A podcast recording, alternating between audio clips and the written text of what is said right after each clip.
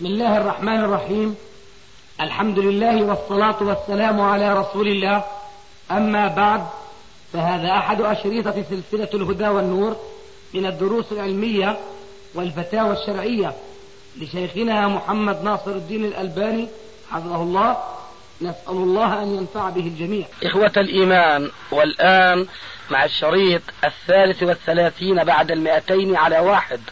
طبعا آه، بنحب نسألك على الانتفاضة الفلسطينية يعني لها الآن أكثر من سنة ونصف ونحن نرمي اليهود بالحجارة. وربما تصل الحجارة إلى رؤوسهم أو لا تصل. فما رأيكم آه، يعني في ضرب اليهود بالحجارة أو استمرار الانتفاضة بهذا الشكل؟ وجزاكم الله خيرا. نحن رأينا في المسألة منذ بدأت الاستفاضة وبدأت الجرائد من كل ناحية وصوب تمجد بها وهي تستحق التمجيد من حيث الشجاعة والبطولة. ولكن الأمر كما قيل أورد سعد وسعد مشتمل ما كذا يا سعد تورد الإبل؟ فنحن إذا نظرنا إلى أولا النصوص الشرعية وثانيا إلى السيرة النبوية. لوجدنا أن الأمر كان يحتاج إلى استعداد من نوعين اثنين. أحدهما الاستعداد النفسي وإن شئت قلت التربوي والآخر هو الاستعداد المادي. فكلنا يعلم أن النبي صلى الله عليه وآله وسلم لبث في مكة وهو يعاني هو وأصحابه العذاب الشديد من بغي كفار قريش عليه وعلى أصحابه. حتى كان من حكمة الله تبارك وتعالى أن أذن لمن شاء منهم أن يهاجروا ولو إلى الحبشة. ثم أذن الله تبارك وتعالى لنبيه صلى الله عليه وسلم أن يهاجر إلى مكة إلى مدينة من مكة. وتبعه من استطاع أن يتبعه وبقي هناك الضعفاء المؤمنين لا يزالون يلاقون أشد العذاب والتاريخ معروف لدى الجميع. والشاهد أن الأمر في كل مكان الآن مما يصاب به المسلمون يطالبون به أو فيه بعدم استعجال الأمور. ويطالبون بالإعداد لمجاهدة الكفار وإخراجهم من بلاد الإسلام إلى بلاد الطغيان والكفر في سائر البلاد التي هاجروا منها إلى بلاد الإسلام. ولذلك قال تعالى في القرآن وأعدوا لهم ما استطعتم من قوة ومن رباط الخيل ترهبون به عدو الله وعدوكم.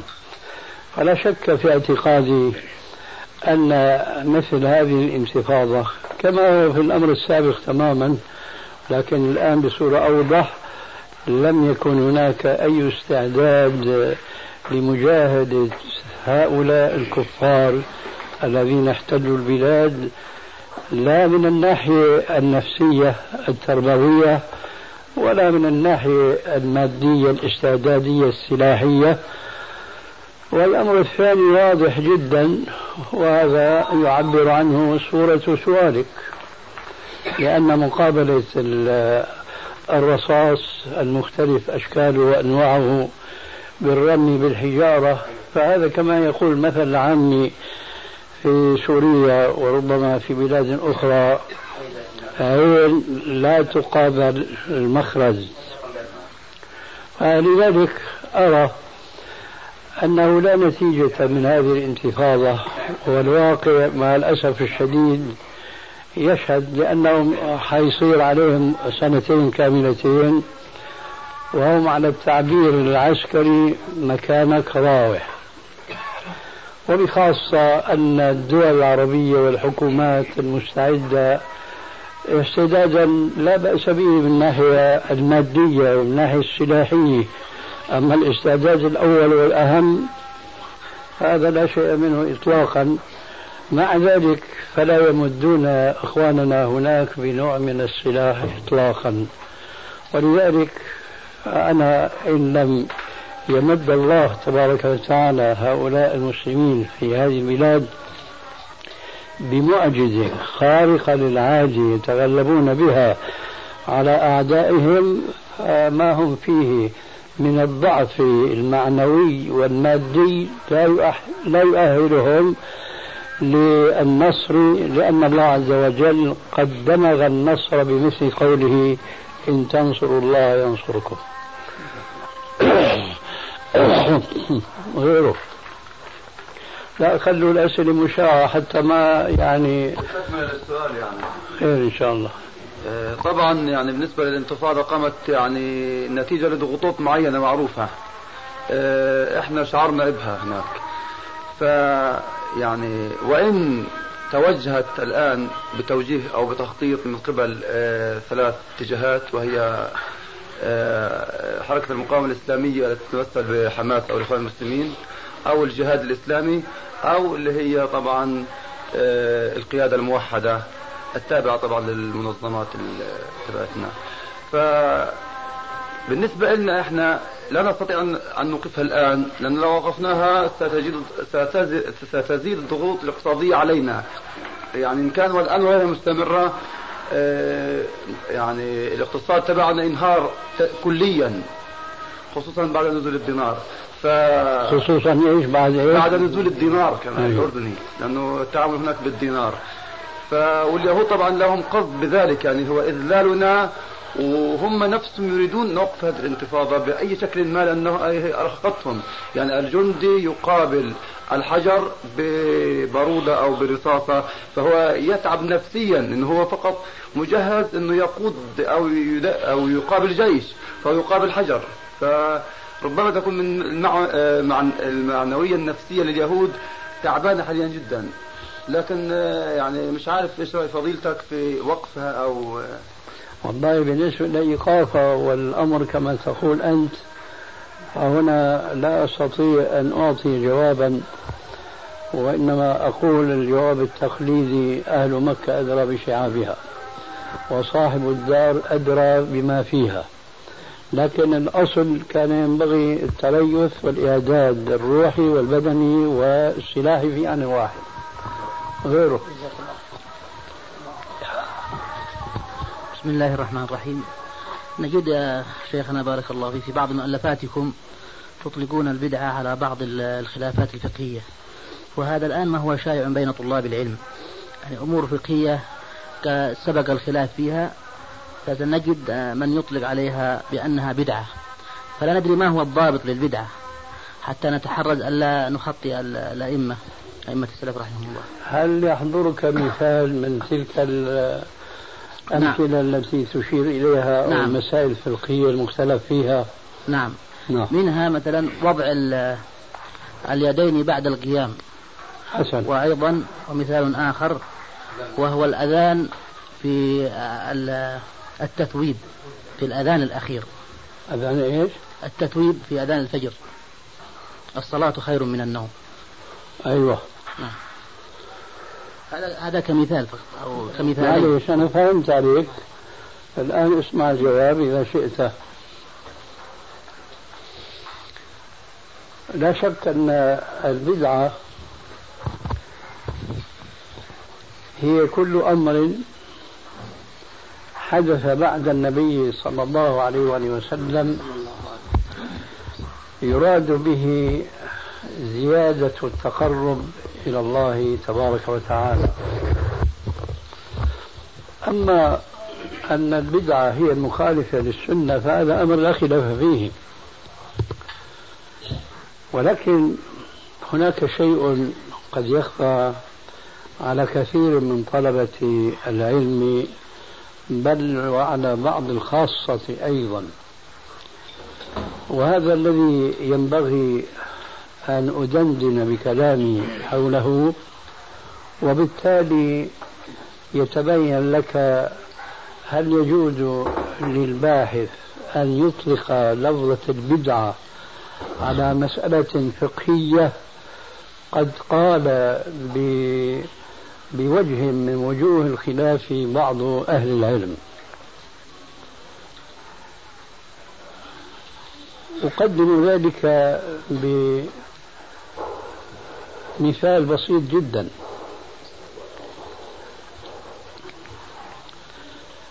لا شك أنه لا يتبادر إلى ذهن أحد من من عامة المسلمين فضلا عن خاصتهم.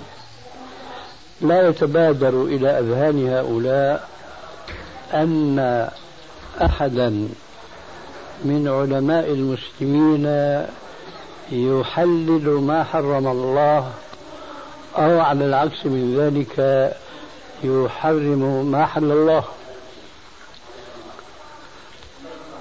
هذا الكلام هو صحيح ولكن لابد من تقييده.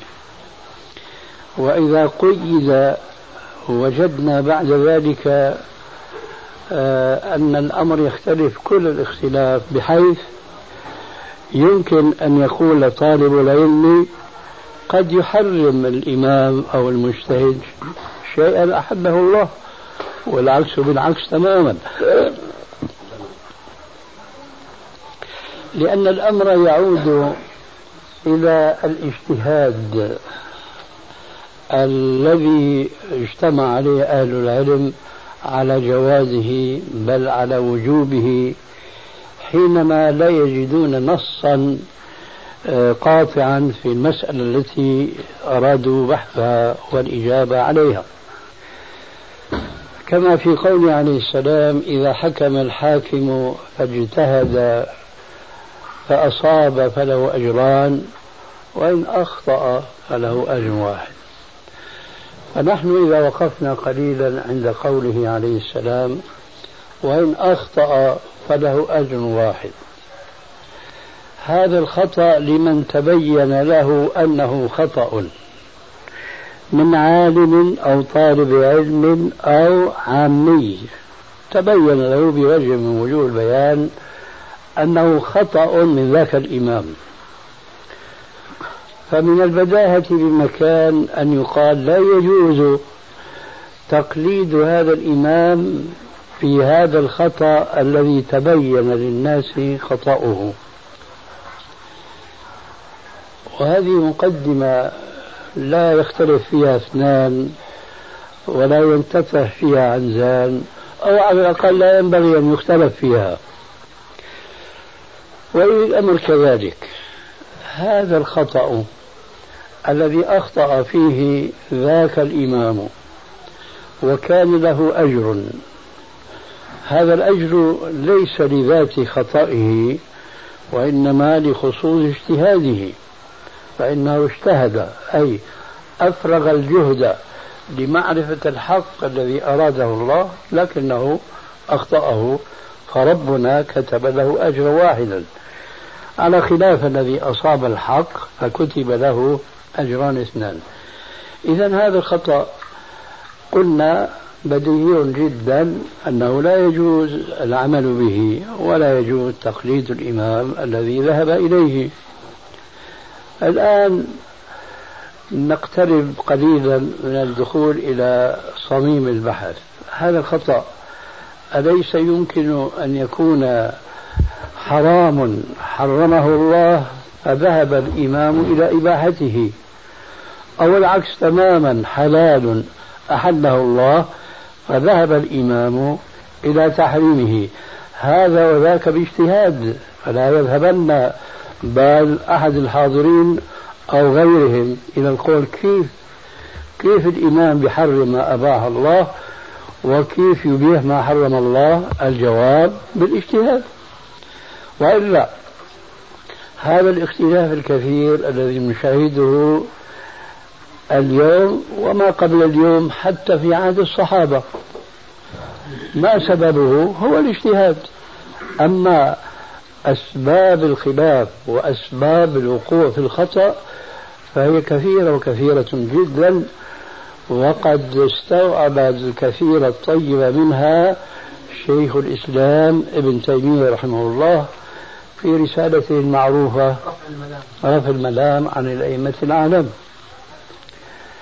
أنا الآن أضرب مثلا مما كان معروفا قديما في العهد الأنور الأطهر وهو عهد الصحابة الكرام بعد وفاة الرسول عليه الصلاة والسلام. نحن الآن نعتقد جازمين بأنه يحرم على الزوج إذا جامع زوجته فلم ينزل أن يقوم إلى الوضوء دون الغسل ويصلي بل عليه الغسل. لكن ماذا نقول عن أولئك الصحابة؟ وفي مقدمتهم الخليفة الراشد عثمان بن عفان رضي الله عنه حيث كان من أولئك الصحابة الذين كانوا يقولون أن من جامع زوجته ولم ينزل فحسبه الوضوء ويتوضأ ويقوم يصلي. هذا الآن إذا أردنا أن نبسط هذا الأمر ما هو؟ أليس لا يجوز للمسلم إذا كان جماعة على هذه الصورة إلا أن يغتسل؟ فإذا اغتسل فإذا لم يغتسل هل له صلاة؟ لا شك لا صلاة له. ووضوءه الذي قدمه بين يدي الصلاة لا يفيده. هل تصح هذه الصلاة؟ الجواب لا. هل يجوز هذا العمل؟ الجواب لا. ما حكم هذا العمل؟ حرام. لكن قد قال به سلفنا أو بعض أسلافنا وهذا مثال وهو عثمان بن عفان. والأمثلة تتعدد وتتكاثر جدا جدا. وبخاصة حينما ندخل في الخلافات المعروفة بين الأئمة الأربعة. فمن الأمثلة الشائعة المعروفة اليوم هذا يقول إذا لمس المرأة بغير شهوة بطل وضوءه. ذاك يقول إذا لمسها وداعبها وعضها و إلى آخره ما دام ما تحرك منه شيء فوضوءه صحيح. لا شك أن أحدهما أحل ما حرم الله أو حرم ما أحل الله. لا مناص من ذلك أبدا. أما من الذي أحل ما حرم الله ومن الذي حرم ما أحل الله هذا ما يعود إلى رأي الباحث والمجتهد وإلى آخره ولسنا الآن في هذا الصدد. لكن هذه الأمثلة وهي كثيرة وكثيرة جدا وحسبنا لأن الوقت تضايق علينا. ألا يجوز لنا أن نقول أخطأ فلان حيث قال يجوز أن يقوم إلى الصلاة بمجرد الوضوء والرسول يقول إذا مس الختان الختان فقد وجب الغسل أنزل أو لم ينزل. نقول أخطأ بلا شك. وارتكب المخالفة لكنه هو مأجور. وكما قلت آنفا والأمثلة في هذا النوع كثيرة وكثيرة جدا ويكفي طالب العلم من هذه الأمثلة الكثيرة مثال أو اثنين. لنعود إلى البدعة إذا جاز للعالم أن يواقع المحرم اجتهادا وهو مع ذلك مأجور على اجتهاده كما ذكرنا ألا يجوز له أن يرتكب البدعة وهو مأجور على ذلك؟ لا شك أنه إن جاز الأول جاز الآخر من باب أولى. وإذا فهل يبرر لطالب العلم أن يكتم العلم ولا يقول الشيء الفلاني حرام لأن الإمام الفلاني قال مباح؟ لا يجوز هذا ولكنه إذا بين للناس خطأ هذا الإمام ينبغي أن لا ينسى أن يقرن مع هذا البيان أن هذا الإمام مأجور.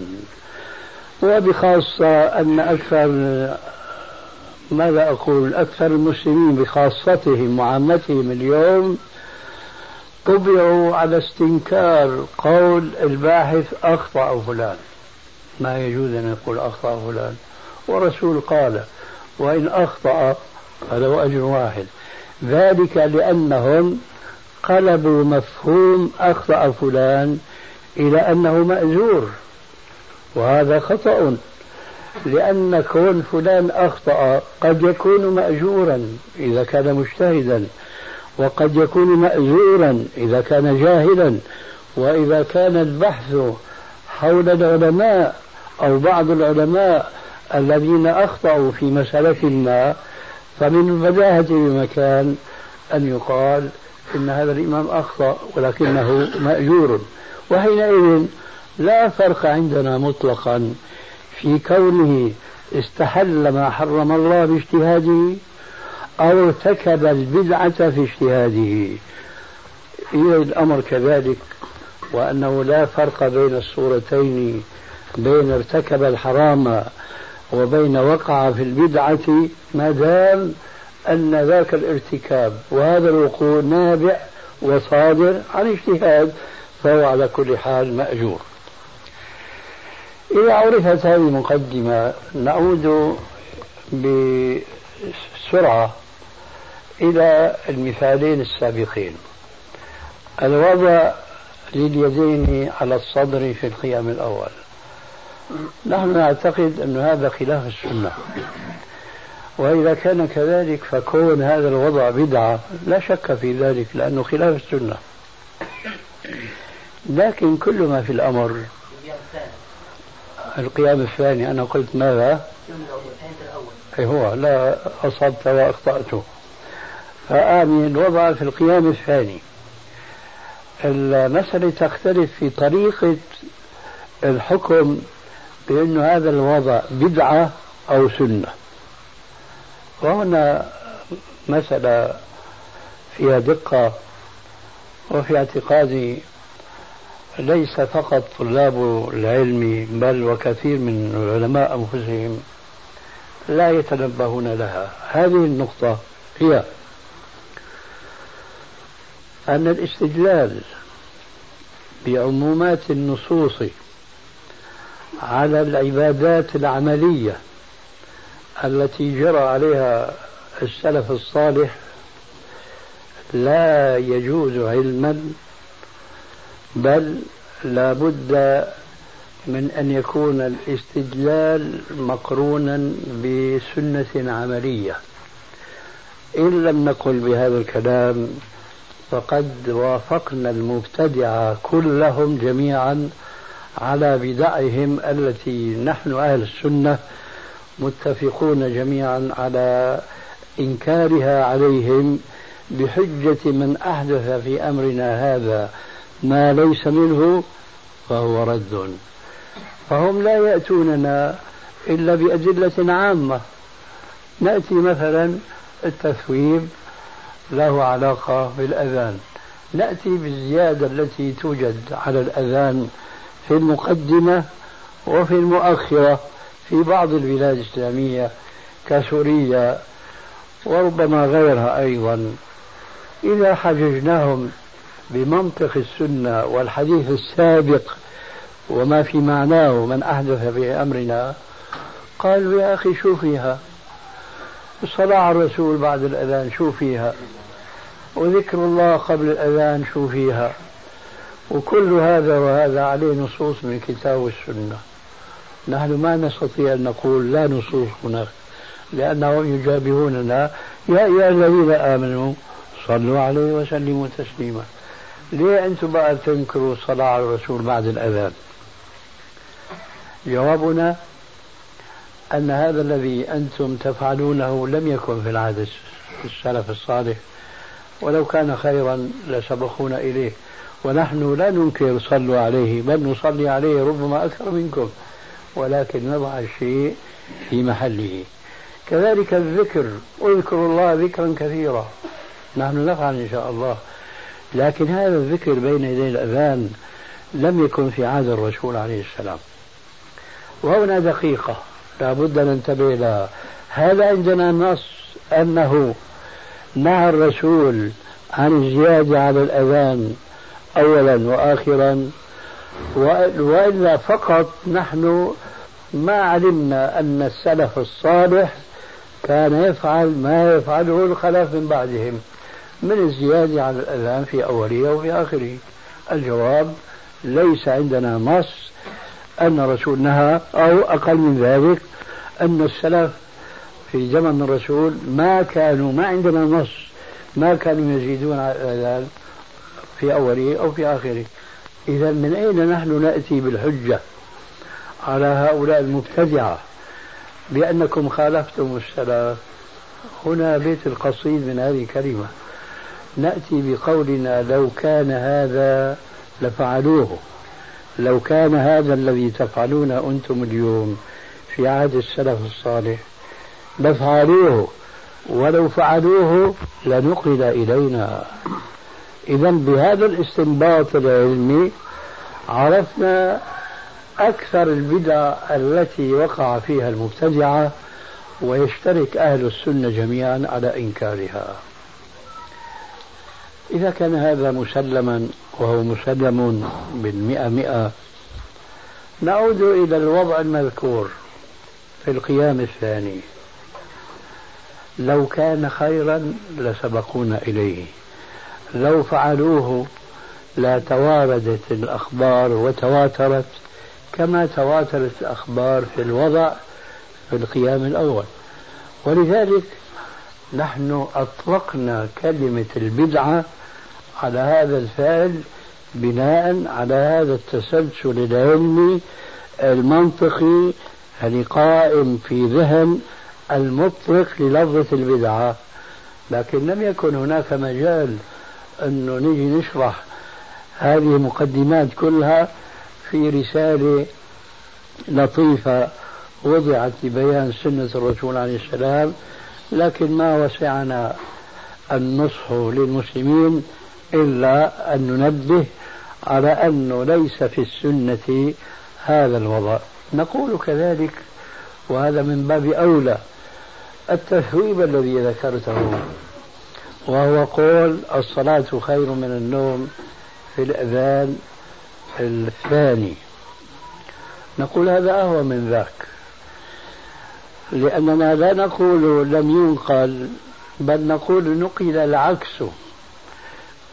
وهذا أقوى طبعا الإنكار لأنه جاء في حديث أبي محذورة في سنن النسائي وصحيح ابن خزيمة وغيرهما أن النبي صلى الله عليه وسلم لما علمه الأذان وسمع صوته وأعجب به قال فإذا أذنت لصلاة الفجر الأذان الأول فقل الصلاة خير من النوم. وكذلك وهذا مهم جدا لأن له صلة قوية ببحثنا السابق يقول عبد الله بن عمر الخطاب كان في الأذان الأول في عهد النبي صلى الله عليه وسلم الصلاة خير من النوم.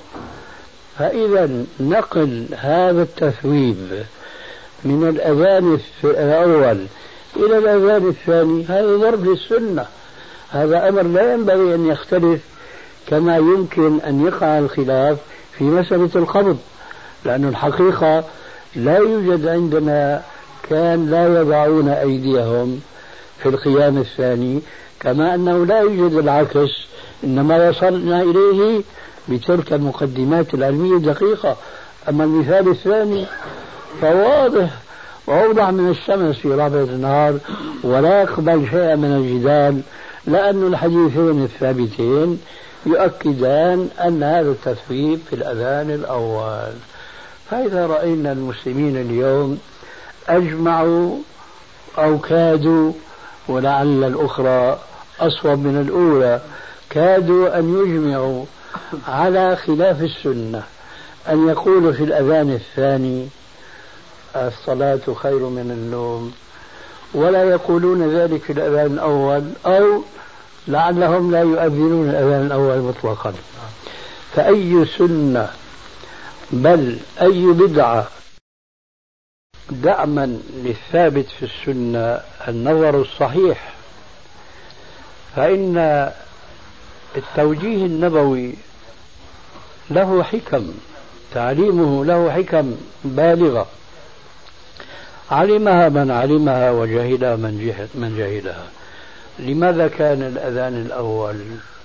جاء في الصحيح كان ذلك ليستيقظ النائم وليتسحر المتسحر لذلك قال عليه السلام لا يغرنكم أذان بلال لأنه يؤذن بليل ليقوم النائم ويتسحر المتسحر فكلوا واشربوا حتى يؤذن ابن أم مكتوم.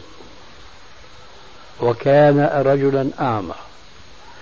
وكان لا يؤذن إلا حتى يقال له أصبحت أصبحت. أي دخلت في الصبح فيؤذن. إذا هذا الأذان الأول وضع فيه جملة الصلاة خير من النوم لأنه فعلا يخاطب النائمين. ليقوم النائم ويتسحر المتسحر فخلاف الحكمة فضلا عن كونه خلاف السنة كما شرعنا أن يقال للناس لكن أي ناس هؤلاء؟ هم الناس المؤمنون الصالحون. المفروض أنهم مستيقظون حينما يسمعون أذان الفجر الأول. مستيقظون لكن الحقيقة أن أكثر الناس يوم يسمعون اليوم الصلاة خير من النوم فعلا بيكونوا إيش؟ نايمين. لأنه ما سمعوا الأذان الأول وبخاصة لا يكون فيه إن سمعوا الصلاة خير من النوم إنما يسمعون هذه الجملة في الأذان الثاني. فهذا إذا قلب للسنة وقلب للحكمة المستنبطة من الحديث الصحيح. فإذا قلنا نحن التثويب في الأذان الثاني بدعة لا ينبغي أن يتساءل طلاب العلم فضلا عن أهل العلم كيف هذا والمسلمون اليوم يفعلون ذلك. نقول ختاما وكل خير في اتباع من سلف وكل شر في ابتداع من خلف. وبهذا الأسلوب العلمي نؤكد نحن للناس أننا مع السلف وأننا فعلا سلفيون ولسنا خلفيين. ولعل في هذا القدر كفاية والحمد لله رب العالمين. وإياكم. يلا بسم الله. بسم الله. بسم الله. يا الله.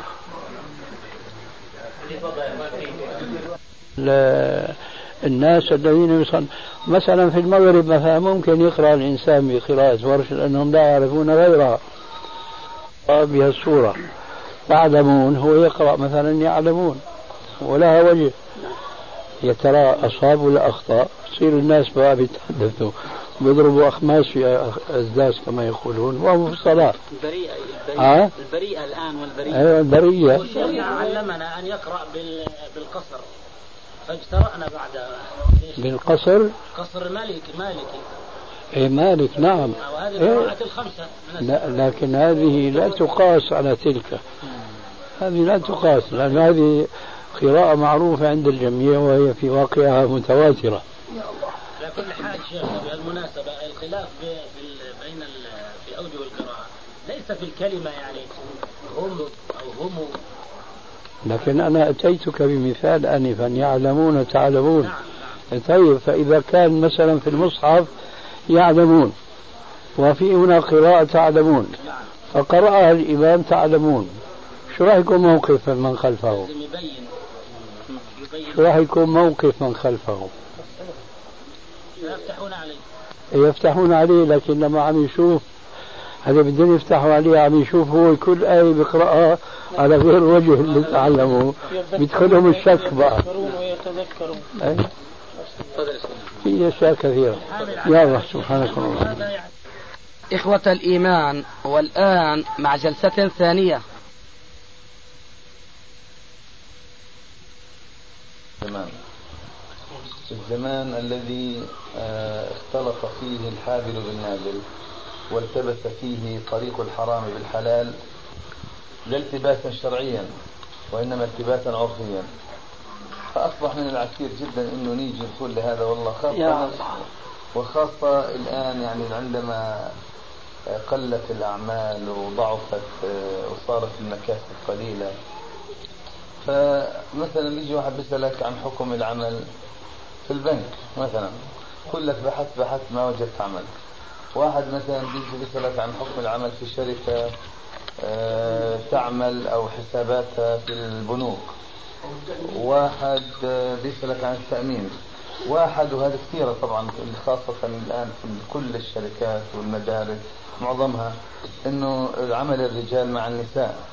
يعني الرجل يعمل إلى جانب المرأة وبخاصة في في شركات وبعض المؤسسات الاقتصادية والمالية. حتى الحكومة طبعا. دوائر الحكومة هذا قديم يعني مش لكن هذه فالحقيقة طبعا نحن نجيبهم على هذا ونقول لهم يعني الأمور اللي ما نعلم من هذا الحكم. لكن يعني النقطة اللي بيرزوا لك إياها إنه والله يا أخي إحنا الآن ما في عمل مثلا. أو قد يكون في عمل ويكسب من وراءه العمل هذا يعني إنسان لكن بحب ينمي دخله ويزيد فلوسه. لأنه بقول لك متطلبات الحياة كثيرة. فماذا ترون يعني بارك الله فيكم؟ والله أرى أن هذه لا تبرر ارتكاب ما نهى الله عنه. لكن المسألة في الحقيقة تدور بين من يعتقد أن هذه الأمور أو هذه الوظائف نهى الشارع الحكيم عنها وبين من يجد من يفتيه بجوازها. ولذلك المسألة ليس من السهل أن نفتي الناس كل الناس بعدم جواز هذه الأمور لأن كثيرين منهم قد أفتوا وأبيح لهم وهذا أمر لا يخفى عليك لكن نحن رأينا الشخصي لا شك أنه كل هذه الأمور ما دامت تقوم على التعاون على المنكر فهو منكر بنص القرآن الكريم ولا تعاونوا على الإثم والعدوان هذا من جهة ومن جهة أخرى المجتمع اليوم كما تعلم وكما تدندن في كثير من خطبك ليس ملتزما الأحكام الشرعية. ومن أهمها تقوى الله تبارك وتعالى. هذه التقوى التي تستلزم الاتيان بما أمر الله والانتهاء عما نهى الله. فطلب الرزق أصبح اليوم جماهير المسلمين لا يفكرون مطلقا فيما هو حلال وفيما هو حرام وإنما نحن بحاجة وكما قلت حكاية عنهم أن متطلبات العصر كثيرة وكثيرة ولذلك نحن بدنا نكفي أنفسنا و... وأهالينا وذريتنا ونحو ذلك. لكن الواقع أن المبدأ القرآني الذي كان ينبغي أن يكون آه، مسطورا مغروزا في القلوب فالشيطان أوحى إليهم بأن يسطروها على الجدر ويجعلوها لافتات جميلة الخط ومن يتق الله يجعل له مخرجا ويرزقه من حيث لا يحتسب. أما القلب فلا يشعر بأن هناك آية تنص على هذا الأمر الإلهي وهو القضية الإلهية. ومن يتق الله يجعل له مخرجا ويرزقه من حيث لا يحتسب. تجد هذه الظاهرة كما لا يخفى على الجميع منتشرة بين صدور جماهير المسلمين حتى المصلين منهم وبصورة خاصة الأغنياء منهم. فما بيسألك إيه نعرف نحن أن الربا حرام ووضع المال في البنك حرام. لكن وين نحط أموالنا؟ إذا وضعناها في بيوتنا. كنا عرضة في إيماننا وفي ذواتنا للصوص والقتلة وسفاك الدماء وإلى آخره. هذا بلا شك من يخاك من تزيين الشيطان لعمل الإنسان المخالف لأوامر الرحمن. ولذلك أنا أريد أن ندندن دائما وأبدا مع هؤلاء المسلمين أن نربطهم مع تقوى الله عز وجل والخوف منه بكل تصرفاتهم وأن يتذكروا هذه الآية وما يتعلق بها من حوادث من أحاديث تعتبر كشرح لمضمون هذه الآية. فحين يقول قائلهم وين بدي أحط أنا هذه الأموال هو أبدا لا يتذكر ومن يتق الله يجعل له مخرجا. وأنا بقول أمر مضحك. كأن الواحد منكم يتصور بأنه سيرفع راية على الجماهير أنه أنا مليونير. وهذه الملايين اللي عندي وضعها في داري وفي المكان الفلاني ولذلك هو سيغزى وسيقصد يا أخي هذه الوسائل مشروعة وخبي مالك في مكان لا يطلع عليه إلا الله عز وجل ثم أنت ومن قد تثق به من أهلك. فهذا سبب مشروع لكن لا. هو إذا فعل ذلك تعطلت. أعماله التجارية وضاقت عليه وسائل الكسب بينما البنك بيسر له ذلك وهذا بلا شك أن البنك ييسر المعاملات ولكن لا ينبغي للمسلم أن يتورط وأن يتبنى كل وسيلة ولو كانت ميسرة لبعض أعماله إذا كانت إيه محرمة شرعا.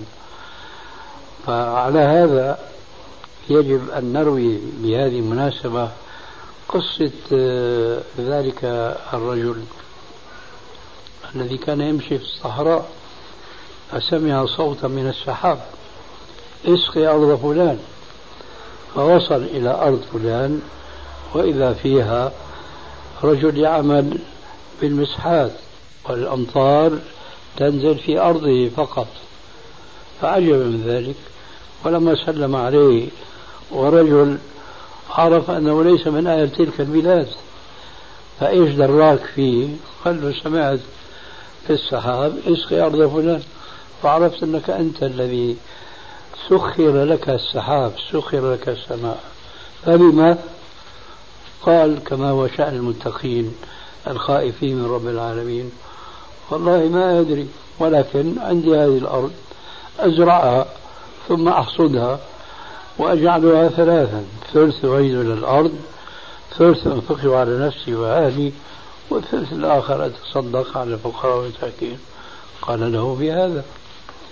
فهنا نجد أن تقوى الله سخرت له السماء وذاك الآخر سخر الله له البحر حينما جاء أجل وفاء الدين ولم يستطع الوفاء فأخذ خشبة ودك فيها مئة دينار وجاء إلى ساحل البحر وقال بكل بساطة وبكل دروشة وبلا شك نحن اليوم صحيح مسلمين لكن غلبت علينا المادة من جهة وضعف الإيمان بالغيب من جهة أخرى.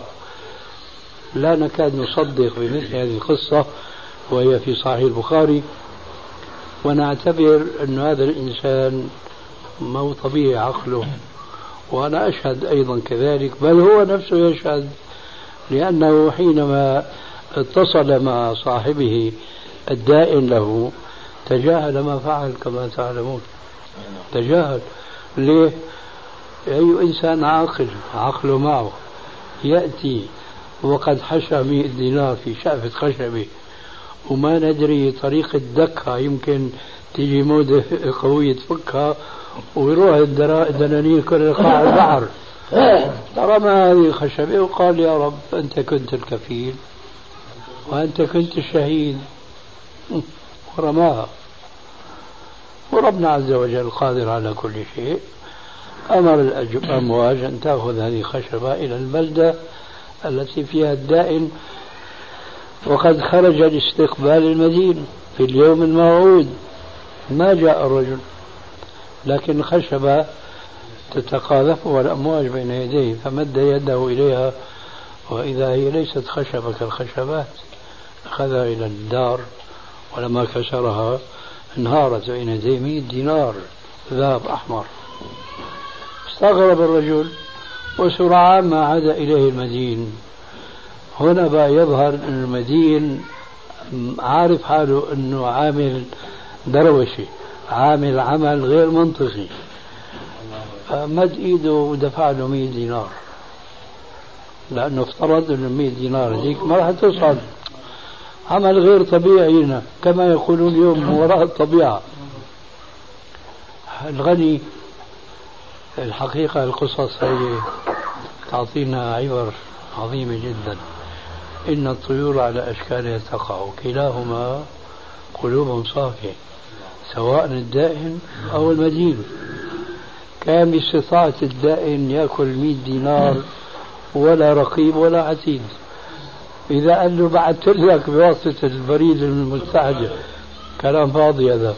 مين بده يشهد لكن هو مطلع أيضا أن الله عز وجل يعرف.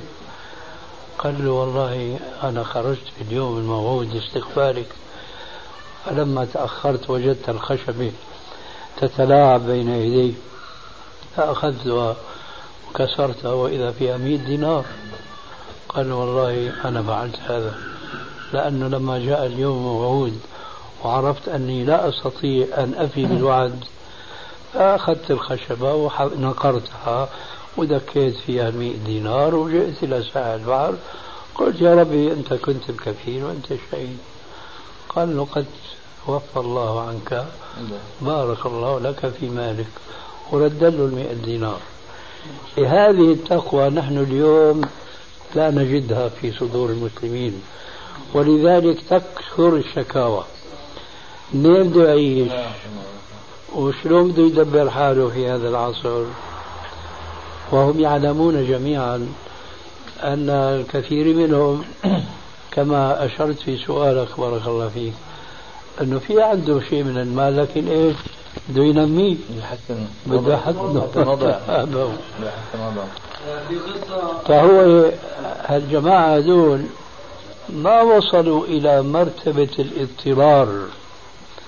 هذه المرتبة التي تبيح للمسلم ما الأصل فيه التحريم. يعني مثلا يجوز السرقة. إذا اضطر يجوز أن يسرق لكن ما يجوز له أن يرابي أبدا. آه. لكن يجوز له أن يسأل الناس. إذا وصل لمرتبة إيش السؤال؟ إذا ما كان عنده ما يغطيه أو يعشيه وين من هذول الأشخاص؟ هذول الحمد لله مهما كانوا فقراء ومساكين ما وصلوا إلى هذه المرتبة. لأنه لا يزال في الناس خير ولا يزال هناك بعض ذوي المروءة والشهامة يسعون لجمع الأموال من الناس وشراء الحوائج الضرورية للفقراء والمساكين. فما هناك أبدا ما يبرر لأي شخص أن يواقع حدود الله وأن يرتكب معاصيه بحجة إيش؟ أنه بده يشتغل وبده يشتري ثلاجة. بيشتري سيارة ما قلت لك يعني بده يتوسع نفس القصة أستاذ. نعم. في صار حج في هذا العام من نوع جديد. آه. نعم. كيف ذلك؟ حج لا تعرفه أنت. إيه. ولا غيرك من أهل العلم. ما شاء الله. إذا جديد خطأ. أي نعم. إيه. الحج صورته الآتية. في إيران إن شاء الله؟ لا لا في إيران هذا بحج إيه. لخميني نعم. هو الآن خميني سيقام له بنيان ضخم جدا يكلف مليارات الله أكبر. الدولارات. مشان يصيروا حجوا السنة قال لهم روحوا لحجوا لخميني نعم. لكن الحج هذا وقع في مكة. الله أكبر. نعم. خرجوا من اليوم الثامن إلى عرفة. إلى عرفة. فورا. وباتوا في عرفة. ليلة التاسعة. ثم نزلوا إلى مزدلفة إلى مكة. ما شاء الله. نعم. صباح التسعة ولا بعد ما بعد عرفة؟ بعد عرفة يوم العاشر يوم العاشر بعد غروب ال... بعد غروب الشمس. بعد غروب الشمس. لا ما بات ولا صلوا بعد غروب لا لا. عفوا. نزلوا إلى مكة فورا. وانتظروا حتى انتصف الليل. فطافوا بالبيت طواف الإفاضة ثم عادوا إلى مزدلفة. فالتقطوا الجمار. ووقفوا يعني بعض وقت من هناك في في هذا في عرفة في مزدلفة وصلوا المغرب والعشاء. بعد منتصف الليل طبعا. أو يريدوا الفجر أو يريدوا العشاء والفجر لا لا لا بعدين ثم نزلوا مسرعين إلى إلى منى فرموا الجمرة قبل طلوع الشمس وربما يمكن قبل الفجر. قبل حرارة الشمس. طريقهم فاضي كأنه. ها؟ طريقهم فاضي طبعا. ما في ناس. أنه لا شك ضعفة. نعم. ضعفة. ضعفة. لا شيخنا يعني هذا معنويا يعني. ها مع اي نعم نعم. أي نعم. إيه. فعلوا هذا في حجهم. طافوا اولا لم يبيتوا وطبعا كل تصور شو نعم. ولم يبيتوا في مزدلفة ولم يصلوا الفجر. فيها صلوا الفجر في منى. ورموا قبل الفجر. فهذا الحج الجديد. إيه بس لا شك يا مجموعة لا أخاك أن هذول أخذين فتوى. اي طبعا لأنه معهم شيخ. إيه هذا هو. أي نعم. ممكن قصد مالك من الحكي انهم اثنين فتوى. لا معهم شيخ. إيه. معهم شيء اي نعم. الله أكبر. معهم شيخ. صارت المناسك عبارة عن فوضى. إيش أي حج هذا؟ وين التربية الروحية هذه؟ أستاذ إحنا لما نحج هذا الحج شيخنا. صحة هذا الحج باطل. باطل. الحج آه، مش له أركان وفيه واجبات؟ أي نعم. طيب إذا قام الإنسان في الأركان هذول مثل هذه الجماعة اللي حكمهم أبو مالك بعتقد قاموا عملوا الأركان المطلوبة اللي هي أربع أركان والطلوع على عرفة. والطواف ورمي الجمار آه بس أوقاتهم. لو كان طبعا طيب وين ترتيبها؟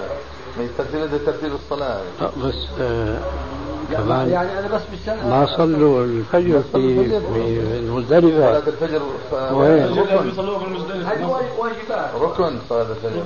ركن. طبعا. طبعا. البيات في المزدلفة واجب وصلاة الفجر في المزدلفة ركن لأن النبي صلى الله عليه وسلم قارن الصلاة هذه صلاة الفجر في المزدلفة بعد الوقوف في عرفة. وقال من صلى صلاتنا هذه معنا في جمع وكان قد وقف على عرفة ساعة من الليل أو النهار فقد تم حجه وقضى تفثه. ولذلك هلا أكثر الناس كيف؟ ولسه ما صاروش يعني تم حجه ولسه رمي الجمار ما تموا معناته بعد هذا فيش فيش أركان. صار كيف؟ يعني الرسول هذا اللي بتحكيه أنت صحيح يعني أنا مضبوط بس بقول فقد تم حجه ولسه الحج ما تم لسه في رمي الجمار وفي طواف افاضه لا لا عم نحكي نحن بالنسبة للركن. اتى ركن. أي نعم. أما لا يزال في اركان هو إذا بدك تقول هيك بتقول لسه أمامه طواف الإفاضة. واركان والرمي طواف الإرغاء سيدي الرمي واجبات من الواجبات. لكن الركن هو طواف الإفاضة. ها مين يؤذن؟ هو عفوك أبو عدنان فقد تم حجه حجه وقضى تفثه ما معنى هذا؟ يعني فقد تم حجه بالنسبة لما مضى من الأركان إلى هذه من الساعة هذه الساعة. قبل أيوه. أي نعم. أستاذ بالنسبة بالنسبة لوضع لوضع الباص يعني العملية هلا الحج الباصات مثلا بدنا نطلع من عرفات؟ الله يعينهم الله يعينهم. يعني مسؤوليتهم على المسؤولين عنهم. العملية إلا من علم. تبارك سمعت واحد اسمه بك الجزائري. هذا بيعجبني جدا. في بيعجبني في دائما تفسيره ولفظه. ولطف كلامه. لو بدك تسمعوا فيه بتعرفوه في بيحكي عن ال ال الذهب الحلي للنساء بقول لك إنه آه هذا مهما كان الحلي للمرأة سواء كان لبسته في مناسبة يعني آه، بالسنة مرة مرتين ثلاثة وعندها لا يدفع عنه زكاة. بس بقول وقفوا استنوا ما تقول ما تاخذوا مني تقولوا خلاص. وهذاك اللي كانوا يدفعوا يصيروا تقول لا لا لا وغشنا فلان لا. خلهم. ولكن برضو إذا دفعت الزكاة خير وصدقة دفعت عنه. كما يقول بعض العلماء قال ولكن قال بعض الصحابة والتابعين والتابع وعزمة إنه كثير منهم قال إنه لا زكاة. وسمى بعض الأسماء إنه لا زكاة للحلي. ما دام تتحلى فيهم زي زي المتاع زي عنده فرش في البيت عنده سجاد عنده كذا هذا هذه المرأة يعني كأنه هذا نوع من أنواع اللي تستخدمه ويلزم له فشو رأيك في كلام وكلام لطيف. قال لا لا تقولوا أنا والله اللي غيري تحكوا عليه ولا تقولوا والله فلان. قال لازم تدفعوا الزكاة. وأنا بقول ما تدفعوا ما, ما, ما فيش عليه ما بقولش أنا بقول لا تجب عليه الزكاة. ان أنت إذا وجبت على نفسك ودفعت. والله هذا خير. وبس لا يلتبس عليكم أمر تصير تحملوا على اللي قال أو لا. فهذه يعني نفس نوع الكلام هذا اللي تلفظ فيه أعجبت فيه جدا. طبعا جابوا صيغه أحسن من اللي حكيته أنا وأنا عم. رأيك فيما قاله الشيخ أبو بكر الجزائري. رأيي أبو عبدان معروف أول. لا طريقة ما بحكي أنا الحكم أنا شو بيهمني الطريقة شو بيهمني الأسلوب العذب؟ إذا كان بيرضي الفريقين ولا يأتي بالدليل الشرعي المصرح بأنه هذا الذهب مستثنى من كل ذهب وأنه ليس عليه زكاة.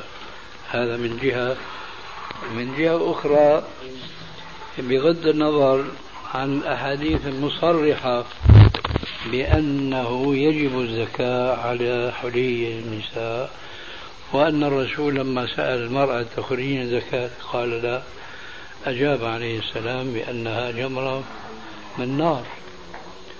فأنا ما بيهمني الأسلوب مع تجاهل الغاية لكن إذا انضم حسن الأسلوب إلى صحة الغاية فهو أسمى ما يمكن أن يصدر من عالم.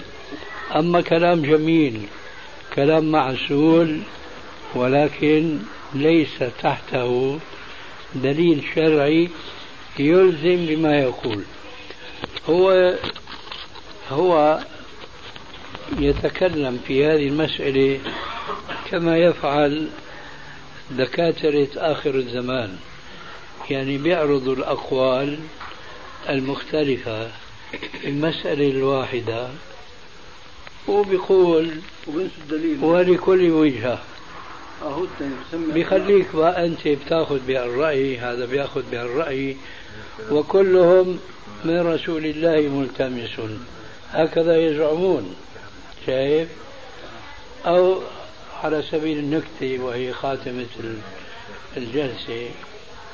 زعموا بأن أحد المفتين اقتضى له سفر فخلف بديله ومكانه والده وهو جاهل. نصبوا مكانه بغيبته يشكي الناس. قال له يا أبي أنا رجل جاهل كما تعلم. قال له أنا